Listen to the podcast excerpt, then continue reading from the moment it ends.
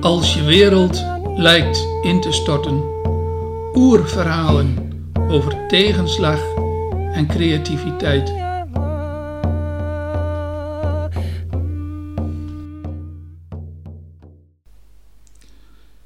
De burgeroorlog in Triante, Drenthe. Egisrif, een vertrouweling van de missionaris en bisschop Willehad. Dat ben ik. Ik was erbij toen hij stierf na heftige koortsen en ik was erbij toen hij vooraf over zijn leven wilde spreken. Alsof hij aanvoelde dat er iets herinnerd moest worden van zijn veel bewogen leven.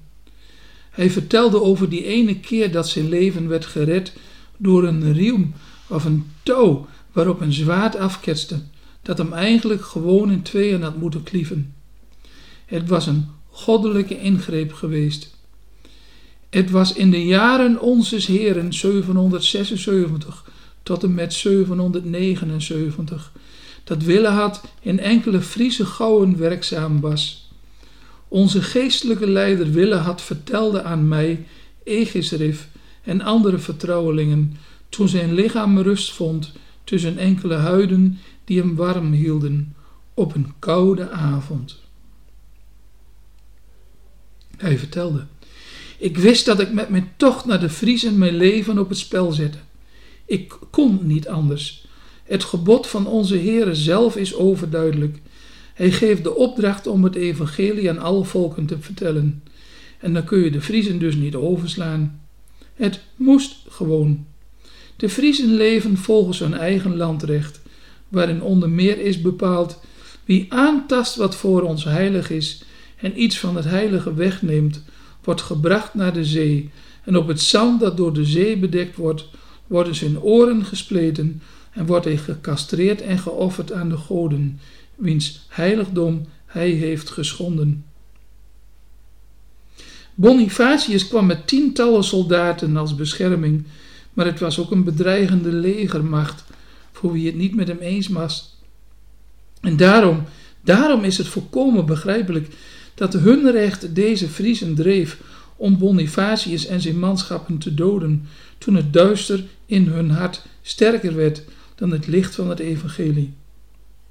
Bonifatius had aangetast wat hen heilig was. Hij keek uit op een machtsovername.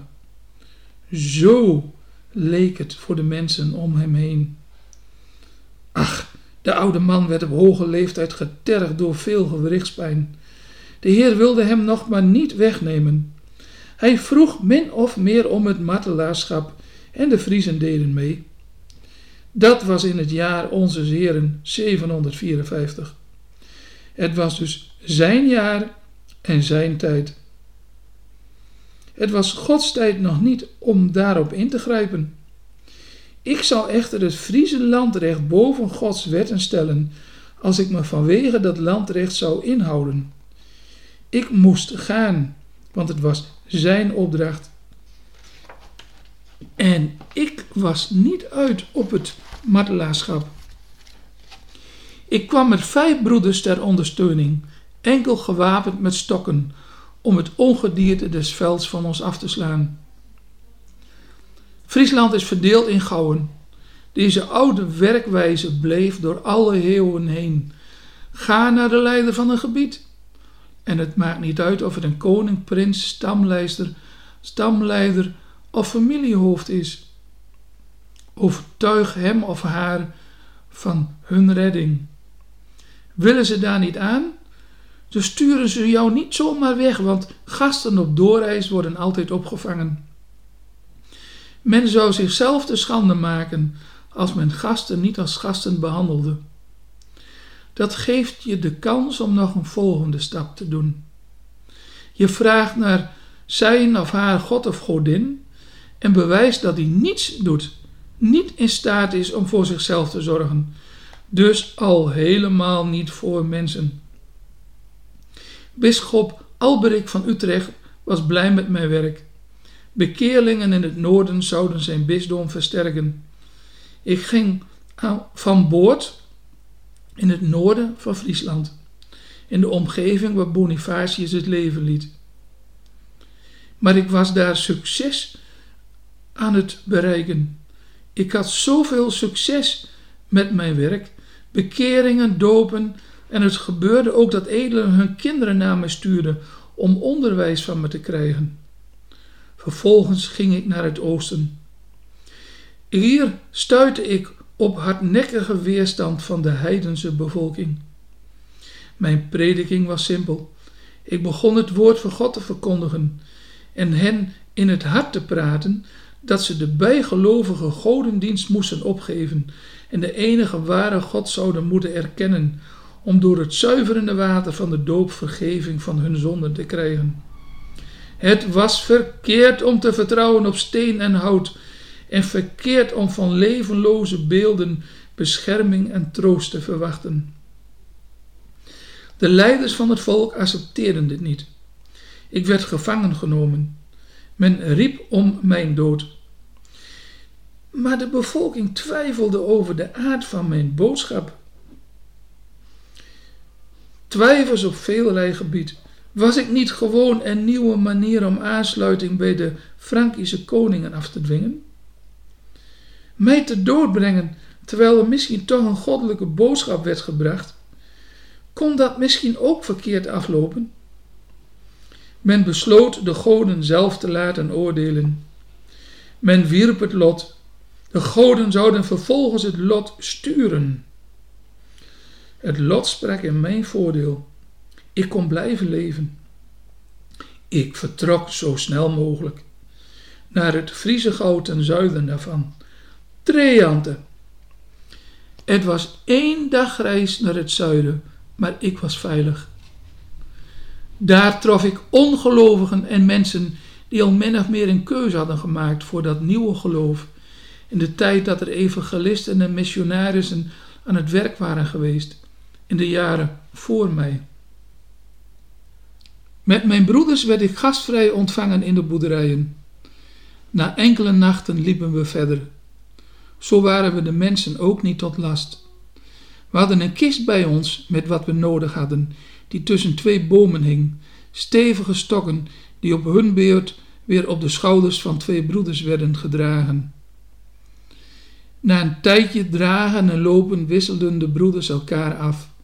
Zo reisden we met een goed tempo van boerderij tot boerderij. Ik droeg een kleiner kistje dat met een dik touw over mijn schouders hing. Om te voorkomen dat het ding zeer ging doen, dat het in de schouders bleef trekken, had ik het touw op de punt op mijn schouders omwonden met stukken schapenvacht. In het kistje zat wat ik nodig had voor mijn werk. In de woningen liet ik wierook branden, deelde was broeders de beker en braken brood, zoals christenen gewoon zijn te doen. Het heeft nogal wat indruk gemaakt op onze hoorders. We waren met z'n zessen. Ik had bij me Atreban, Benjamin, Emming, Volkart en Gerwald. Deze trouwe medebroeders zijn gedood aan de rivier de Wezer in het jaar Onzes Heren 782, toen de Saksische hoogman Widukind in opstand kwam. Mij durfden ze niet te vermoorden. Dat had te maken met wat me in Drenthe was overkomen. Ik gold als onaantastbaar, door God beschermd. Ja, ik werd beschermd, maar ze moesten eens weten wat er allemaal speelde. Ik wijd uit. Ik ga terug naar mijn werk in Treante. Het liefst overtuig ik mensen op een rustige manier. De Friese goden zijn net als andere Germaanse goden vooral met zichzelf bezig. Ze laten de mensen maar ploeteren. Als je dan sterft, dan is er een ereplek voor wie sterft in gevechten of oorlog. Dan mag je aanzitten aan een tafel vol drinken, broers, en de grote hal van de gevallenen, Walhalla. Alle dagen feest en dronken, alsof er niks beter te doen is. De rest, vrouwen, kinderen, alle goedwillende mannen, gaan naar een onduidelijke geestenonderwereld, zonder enige kans op een nieuw begin. De goden van de streek zijn tevens zo breed dat ze offers van de bevolking eisen en daarbij ook de kinderen niet sparen. Wie vraagt er nu van een mens om een geliefd mens te offeren? De christelijke religie biedt een toekomst voor iedereen, onvrijen, lijfeigenen, vrije inwoners van Treante of waar dan ook, boeren en krijgers, mannen en vrouwen, macht en onmacht. Waar de Germanen in hun geloof drie standen zien, waaruit je als mens niet kunt ontsnappen, biedt de christelijke religie gelijkwaardigheid aan iedereen en van iedereen, ook van de vrouwen. Ook voor hen is de nieuwe wereld. Mijn vijanden zullen echter wat anders zeggen. Dat ben ik gewend. Het ging heel goed in Treante. De akkers waren voorgeploegd, zou je kunnen zeggen, door mijn voorgangers. De boodschap tegen de slavernij, waarbij gepreekt werd dat er geen slaaf nog meester was in het geloof en voor iedereen een gelijke toekomst, sloeg goed aan. Er waren al mensen voordien overgegaan en ze hadden zich al laten dopen. Nieuwe dopelingen doopte ik met levend water in een stromende beek. Dit kwam dicht bij het geloof van anderen, die hun goden ook achter de waterspiegel zochten. Maar bij mij stonden ze weer op uit het water. Onze sobere levenshouding was van bezit, was van drank, was van geweld. Het sprak de mensen aan. De groep leerlingen breidde zich uit. Triante is 300 tot 500 hoeves, boerderijen groot. Dan hebben we het over 3000 tot 5000 mensen. Het is als een schare die door Jezus gevoed werd bij de wonderbaarlijke broodvermenigvuldiging. Zo groot is de groep toen geweest. Niet kleiner, maar ook niet groter. En als je dan een kwart of een derde van de mensen achter je hebt staan, dan ben je al gauw een macht van belang. En dat terwijl het mij niet ging om die macht, het ging om het leven van de mensen.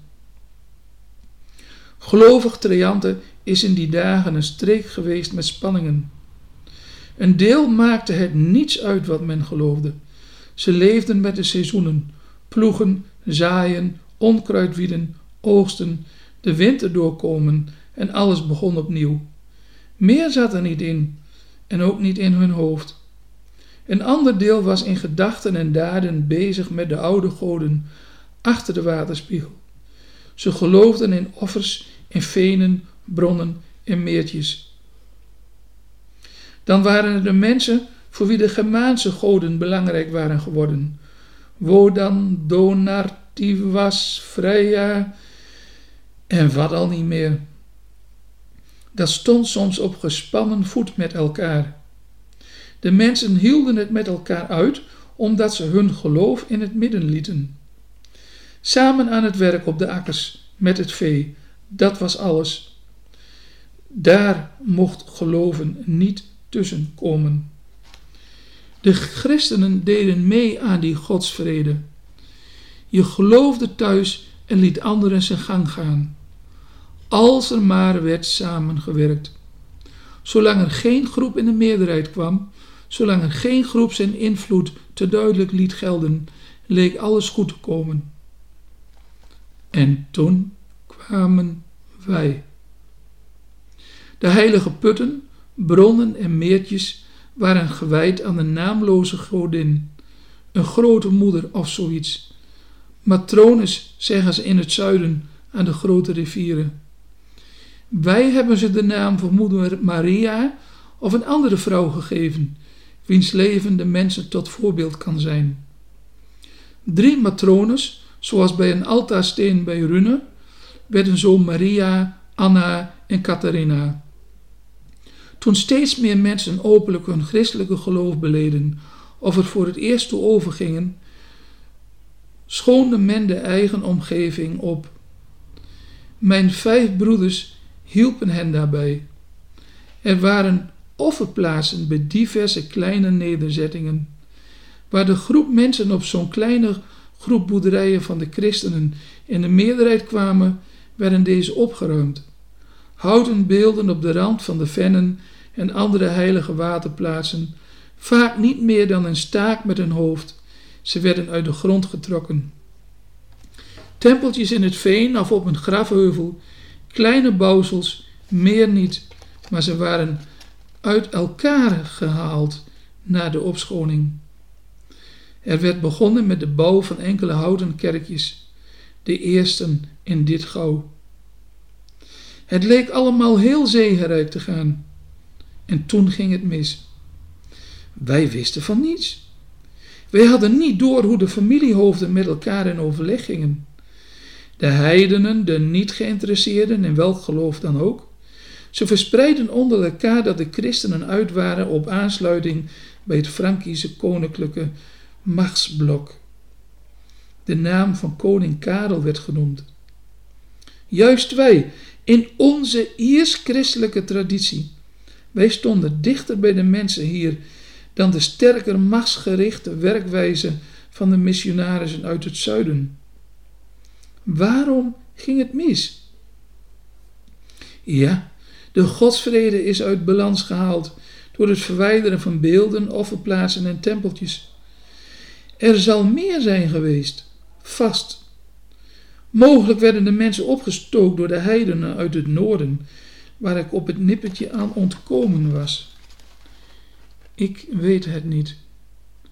Ik weet alleen hoe het verder liep. Van de ene dag op de andere brak er een opstand uit. De christenen in Treante zijn in elkaar geknubbeld, sommigen verdronken in de venen, kerkjes werden in brand gestoken, voor zover, voor zover ze al met de bouw bezig waren. En wie zich verzette, zag tevens zijn hoeven branden. Ik was in die dagen met mijn broeders onderweg naar een ander gastgezin. Wij werden onderweg opgewacht door een groepje strijders van de nederzetting waar we naartoe zouden gaan. Een van hen droeg een zwaard, waaraan we een stamhoofd herkenden. Mijn medebroeders en ik, we werden vreselijk mishandeld. Het gewone volk had geen gebrek aan knuppels, de goedkoopste wapens, met het hardste resultaat. En wij voelden hun slagkracht. Toen kwam het stamhoofd naar mij toe toen ik weer op begon te krabbelen. Ik zou gaan staan, door alle slagen op de grond geworpen. Ik zat op mijn knieën, kistje mijn spullen en relieken opzij. Hij haalde uit met zijn zwaard. Wat toen gebeurde. Daarover verschillende verhalen die de ronde deden of nog doen. In Triante vertellen ze dat het zwaard afketste op de band van het reliekkistje dat ik droeg. Het heilige had mij beschermd. God had weer ingegrepen. Ik zal dit nooit bestrijden. Het was ook een Gods oordeel, maar anders dan men dacht. Het was niet zo dat het zware ijzeren zwaard niet door een riempje of zoiets kon snijden. Het was niet zo dat ik onaantastbaar was.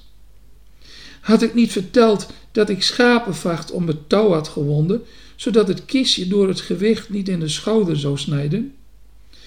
Iets meer links of iets meer rechts geslagen, en ik was in één keer doorkliefd, een kind des doods. Maar het zwaard werd gesmoord in de schapenvacht. Voor de man nog één keer kon uithalen, dankte ik God dat hij mij door dit wonder van de dood had gered. Het stamhoofd durfde niet nog een keer uit te halen. Mij doden, dat was het probleem niet. Men doodde ook stamgenoten door ze in de venen te offeren. Maar de godentatten, welke god dan ook, dat leverde te veel ongeluk op. De mensen lieten ons geschrokken doorlopen. De broeders krabbelden ook op, verbeten hun, hun pijn, namen hun wonden voor lief en we liepen met ons hele hebben en houden verder naar het zuiden. We zochten geen hoeven meer op, we sliepen in de open lucht en aten wat het veld ons bood als er wat te eten viel. Gelukkig hadden we gedroogd vlees en vruchten voor onderweg meegekregen op ons laatste adres. Zo trokken we verder, dubbele dagmassen makend naar veilig gebied. Helemaal aan het eind van onze vermoeidheid waren we. We waren vol pijnlijke plekken. We waren soms verward door de slagen op het hoofd. Zo bereikten we een hoeve in Saxenland, waar we tot rust konden komen. Wie we waren, dat maakte niet uit. We waren gekweld door een van hun vijanden. En wij waren dus vrienden. Zo hebben wij trianten overleefd. Zo moesten we gelovigen achter ons laten, niet wetend hoe het met hen verder is gegaan. Wij verwachten dat ze onder de druk van de heidenen weer terug zijn gevallen, teruggevallen op het oude geloof. En we hopen en bidden dat we het vuur weer aan kunnen, wikker, aan kunnen wakkeren, later, als het daar veilig is. Willehad zweeg. Ik, Egesrif, een vertrouweling van de missionaris en bisschop Willehad, hoorde zijn getuigenis met aandacht aan. Ik zet het op schrift en laat het na voor wie een vita, een levensbeschrijving van hem zal gaan maken. Dat zal vast gebeuren. Wie zo dicht bij God heeft geleefd en zo is beschermd, verdient een bijzondere en geheiligde plaats. Anderen zullen zeggen: Hij heeft geluk gehad. Zijn werk is mislukt. Wat een ramp. Hij heeft het overleefd. Wat mooi.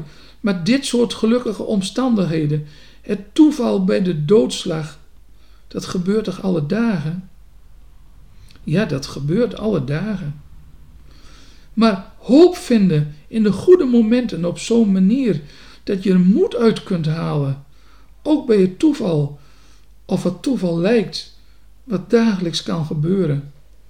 Dat maakt het verschil tussen na een ramp stilzitten, wegzakken in een moeras, of opstaan en je eigen weg zoeken. Dat laatste deed Willehad.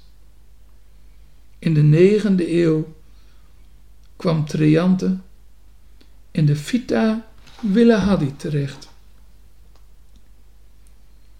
De Vita Willehadi, een van de oudst bewaard gebleven teksten over Drenthe, het heilige levensverhaal van Willehad, is tevens een van de eerste bronnen, een van de teksten waarmee onze geschiedenis begint. Een ander is de oorkonde uit 820.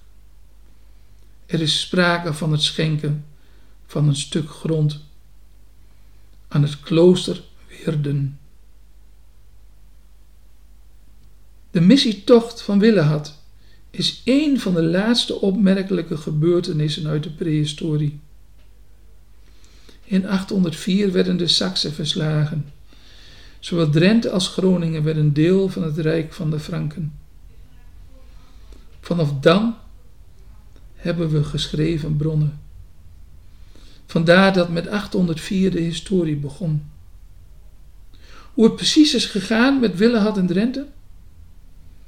We gaan ervan uit dat wat we hoorden, meeluisterend met Egesrif, een goede benadering is wat niet in steen, brons, ijzer, karresporen of paalgaten terug te vinden is, is moeilijk dicht bij te komen. Maar soms kan een verhaal ons helpen.